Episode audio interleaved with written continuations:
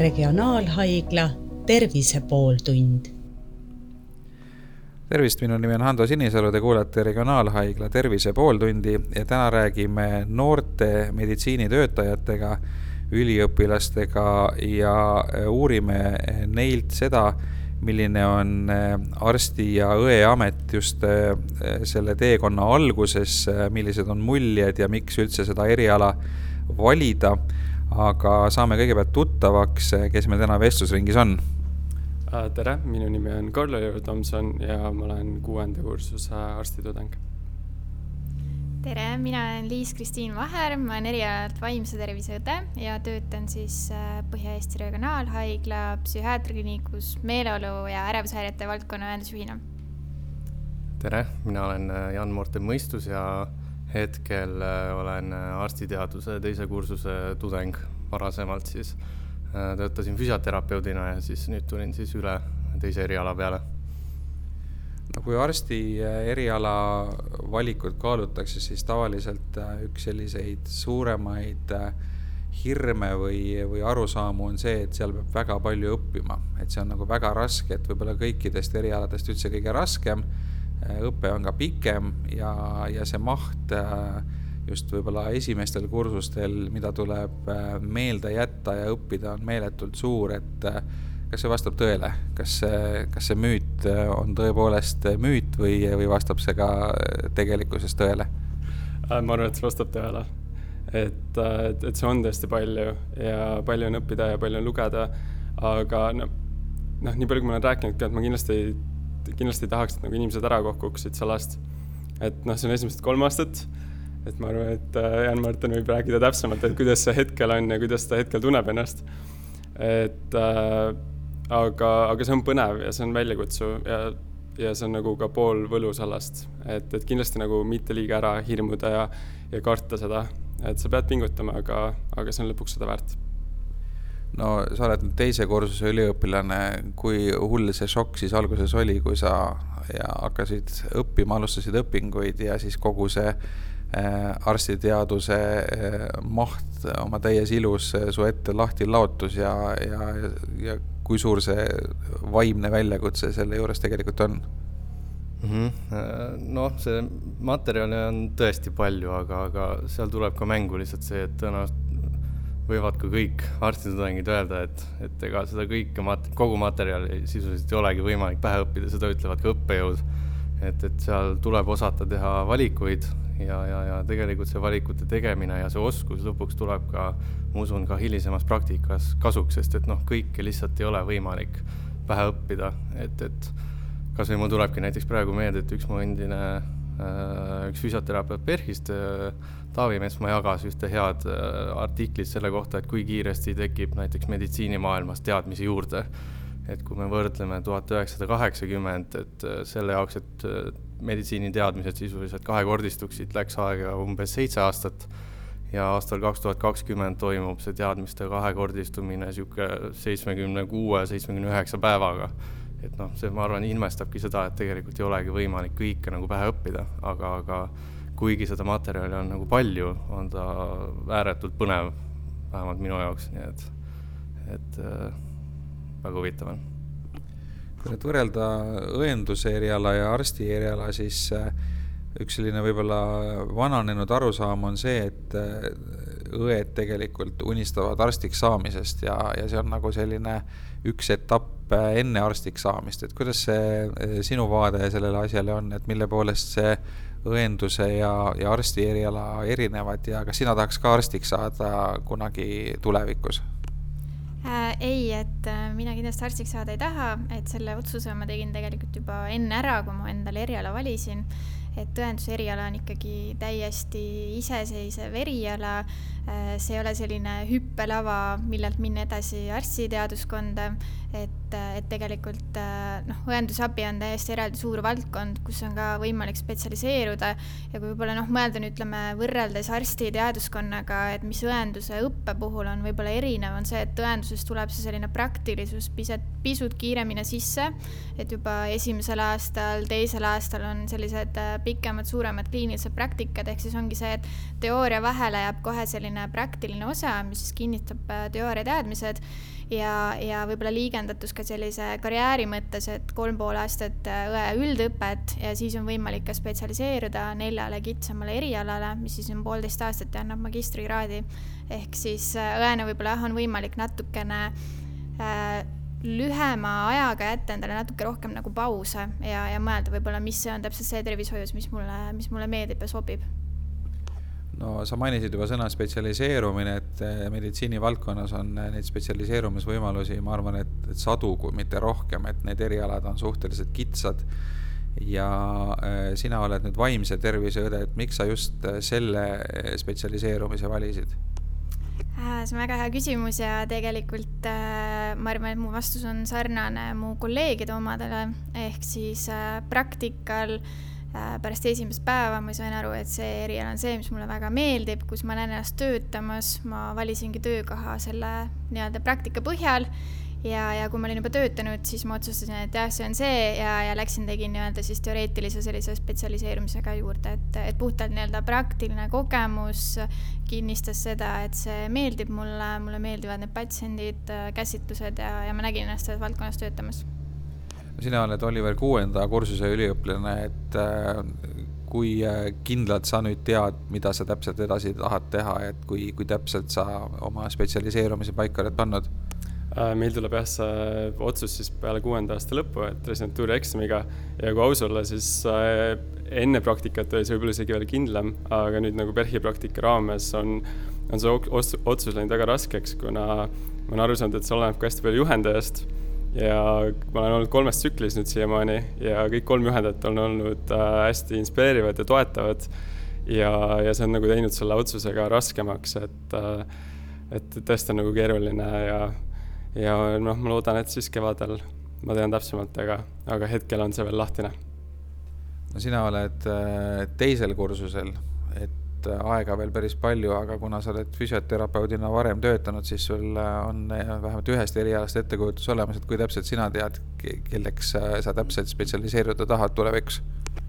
no füsioteraapias on ka tegelikult neid valdkondi on noh, meeletult, kus omakorda töötatakse a la ortopeedia, neuroloogia, lapsed ja nii edasi, on ju. Et, et kuna mina olin ikkagi äh, siin PERHis, töötasin ortopeedias ja see on ka füsio poole pealt ka see valdkond, mis minule on kõige huvitavam, siis noh, tegelikult justkui peaks olema siis nagu arstina ka suunitletud või kalduma rohkem sinna ortopeedia, traumatoloogia poole.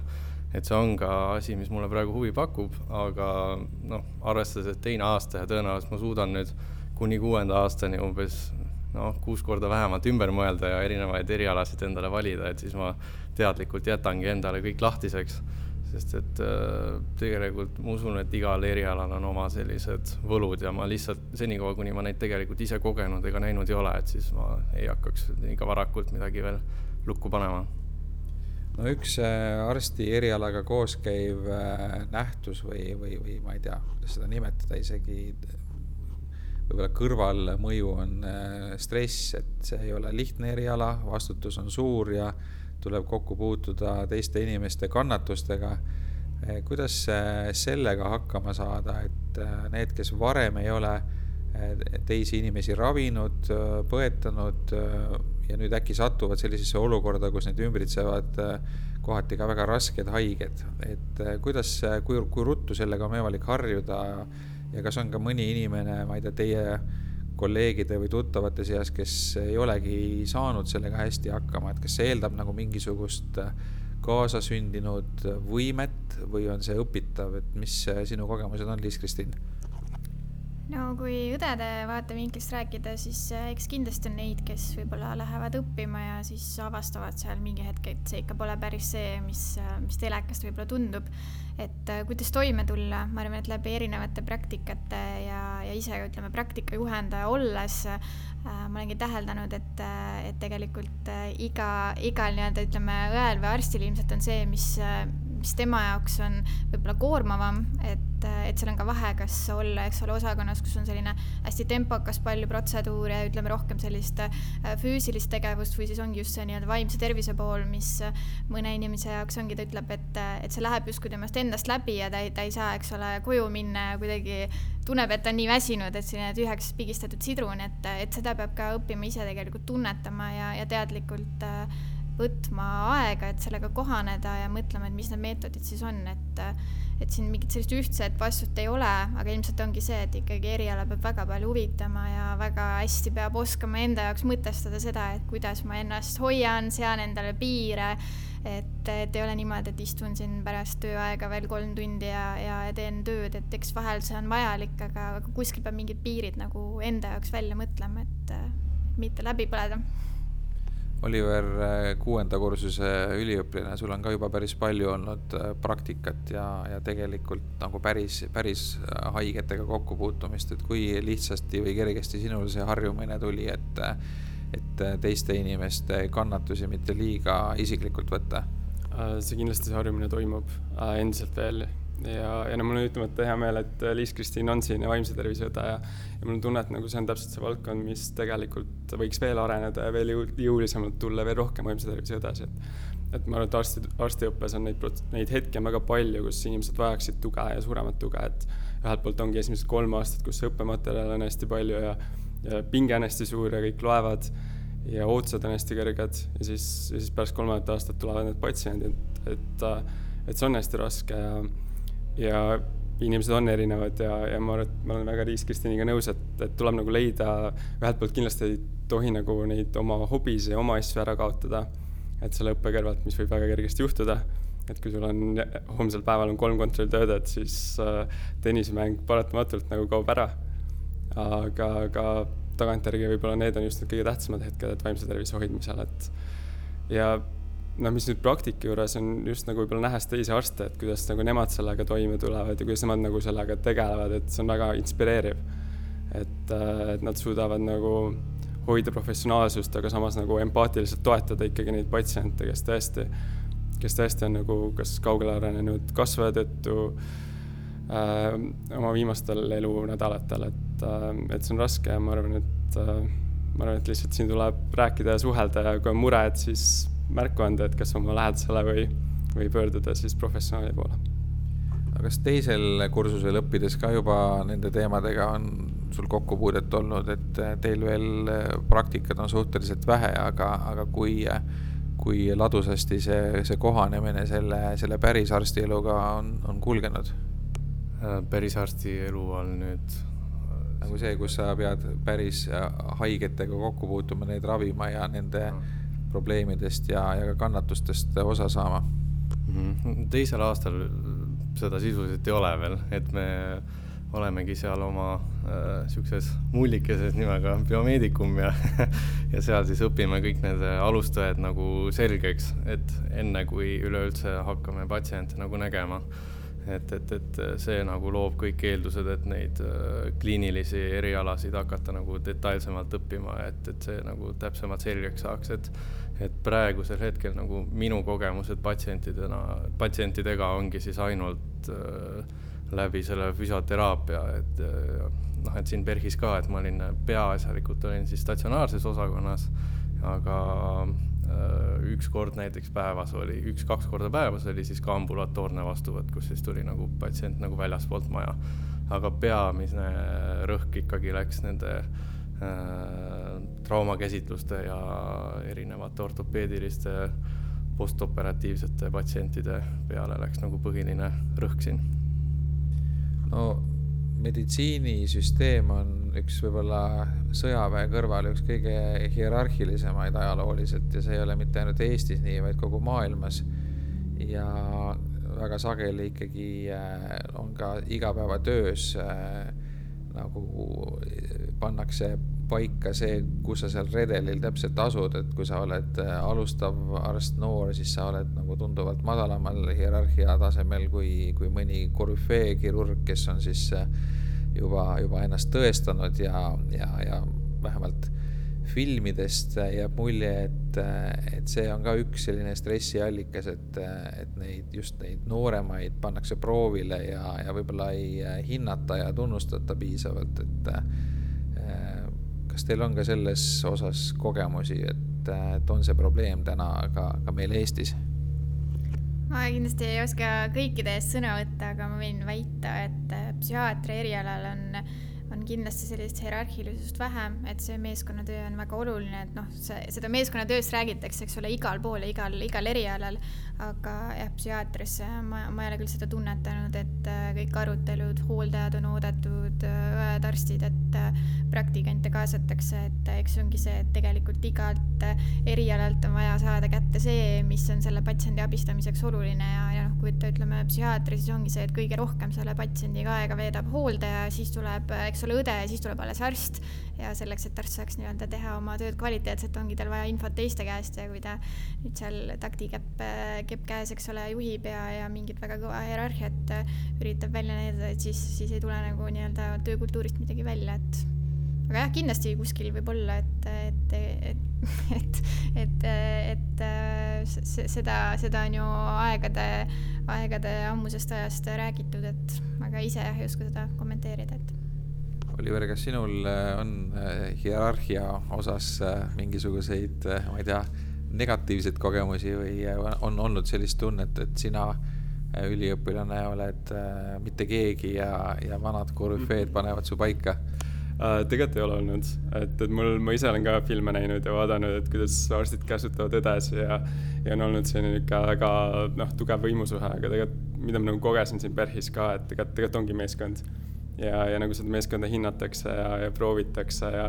ja see on hästi tore, et kus tõesti nagu ikka arutavad ja jagavad seda infot, mis patsiendi kohta on ja et saaks nagu parima ravitulemuse. et ja no eks noh, selles mõttes, positiivses mõttes hierarhia ikka on, et, et noh, meditsiin paratamatu on niisugune süsteem, et kui sul on kogenud kirurg, siis ta teeb palju rohkem kui, kui algaja, et sellist niisugust nagu mentorlust ja, ja õpetamist ja, ja sellist niisugust noh, positiivset äh, teadmiste edasiandmist on, et, et noh, selles mõttes sellest ei saa nagu üle ümber, et, et kes on ikka kolmkümmend aastat lõiganud, see, see on põhjusega kolmkümmend aastat lõiganud, et ta teab. Kas see meditsiini õppimine mõjutab ka sinu enda eluviise ja, ja suhtumist tervisesse, et et kas see, et sa tead kõiki riske ja tead, kui raske võib olla üht või teist häda ravida, kuidagi paneb sind ka mõtlema ja ja käituma ise teadlikult, ma ei tea, kas või toitumise või eluviisi või, või, või spordi tegemise osas mm,? kindlasti mõjutab, aga aga seda tuleb ka ise natukene kuidagi hoida sellise nii-öelda normi piires, et ei hakka ka ise üle mõtlema endale mingisuguseid X-haigusi külge ja, ja, ja diagnoosida ennast igasuguste huvitavate asjadega või siis, et kui mul on praegu immunoloogia ja meditsiini ja mikrobioloogia, et siis ukseringid mulle näiteks eriti ei meeldi enam. Siuksed, et äh, hakkad igal pool, äh, noh, siukest, äh, eks, eks natukene ikka teistmoodi, aga, aga samas nagu tuleb seda kõik nagu kuidagi kaine mõistuse ja teadlikkusega teha, et, et samamoodi ka, et, et kui mul on kasvõi kiired nädalad ja, ja ma tean, et mul on väga suur koormus peal ja suured materjalid vaja omandada, siis ma teadlikult vahepeal võtangi aja maha ja käin näiteks jooksen või, või teen midagi aktiivset, sest et ma lihtsalt tean, et see äh, pikas perspektiivis aitab mul tegelikult lõpuks seda materjali kergemini omandada, sest et noh, lihtsalt äh, füüsiline aktiivsus on selliste kasvufaktoritega ja, ja, ja, ja võib-olla need on sellised asjad, mida ma ka igapäevaselt siis kasutan. Liis-Kristin, kas see, et sa oled vaimse tervise õde ja, ja suhtled äh, nende patsientidega, kellel vaimse tervisega on probleeme, äh, kuidagi mõjutab ka seda, kuidas sa enda vaimsesse tervisesse suhtud ja, ja ma ei tea, üritad seda siis äh, hoida tasakaalus ja, ja, ja mitte nii-öelda riskialtilt käituda või sattuda sellistesse olukordadesse, mis võivad su enda vaimset tervist äh, halvasti mõjutada? No ma arvan, et ma kindlasti olen äh, jah, teadlikum ja, ja see on pidev selline enesereflektsioon, millega peab tegelema, aga et äh, et seda nüüd arvata, et ütleme, vaimse tervise spetsialistil endal kunagi ei võiks tulla läbipõlemist või, või, või sellist suurt stressi, et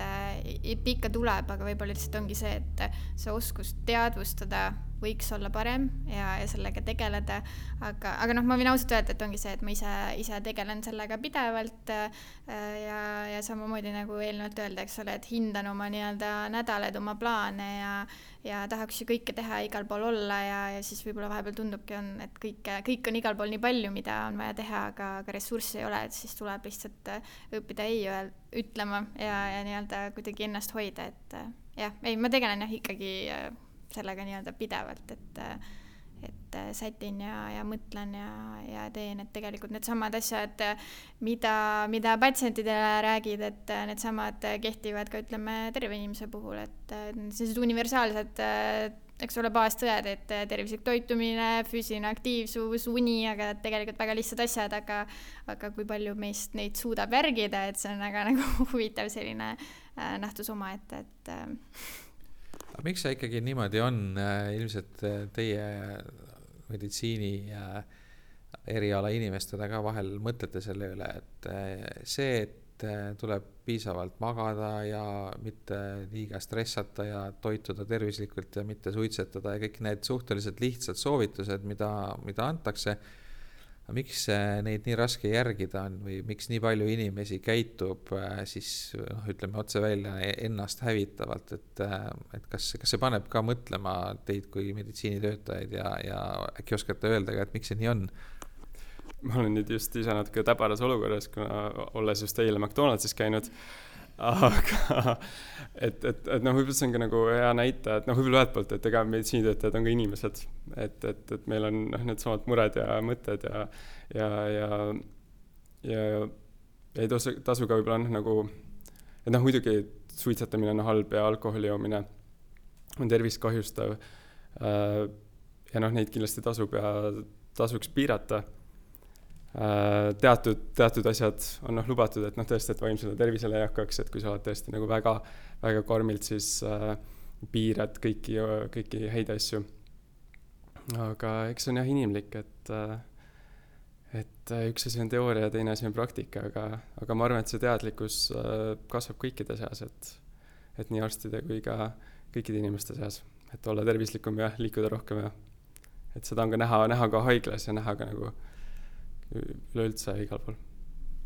jah, mina vanema kolleegina mäletan veel seda aega, kui äh, haigla koridorid olid äh, suitsust mattunud, sest äh, kõik arstid suitsetasid ja, ja mitte ainult arstide toas, vaid ka haigla koridorides, et see ei olnudki nii väga ammu, et see muutus on toimunud päris kiiresti. aga üks asi veel, et, et see puudutab nüüd meditsiinisüsteemi sellist reformimist või, või uuenduslikkust, et jällegi meditsiin on suhteliselt konservatiivne valdkond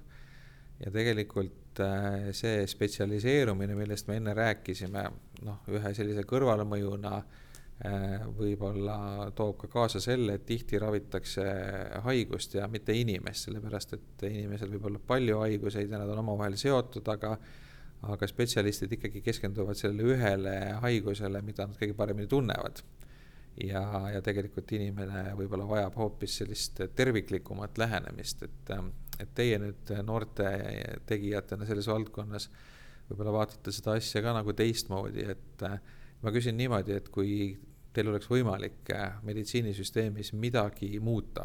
see võib olla kas siis seadusandlikku või, või üldse mingeid välja kujunenud tavasid, et mis, mis osas need muudatused teie arvates kõige vajalikumad oleksid, et ma siin pean ühe hetke pausi, kuna see küsimus ei ole lihtsate killest. et te saaksite korraks järele mõelda. ja siis äh, huviga jään vastuseid ootama, et ma ei tea, kes, kes tahab midagi arvata sellest, Liis äh,? ja et ma arvan, tegelikult üks kõige olulisem äh, punkt ongi see selline infosüsteemide ühtlustamine, et, et tegelikult äh, kõiki õpetatakse sellist nii-öelda holistiline käsitlus, ma ei vaata ainult, ütleme, kui ma olen psühhiaater, ainult seda,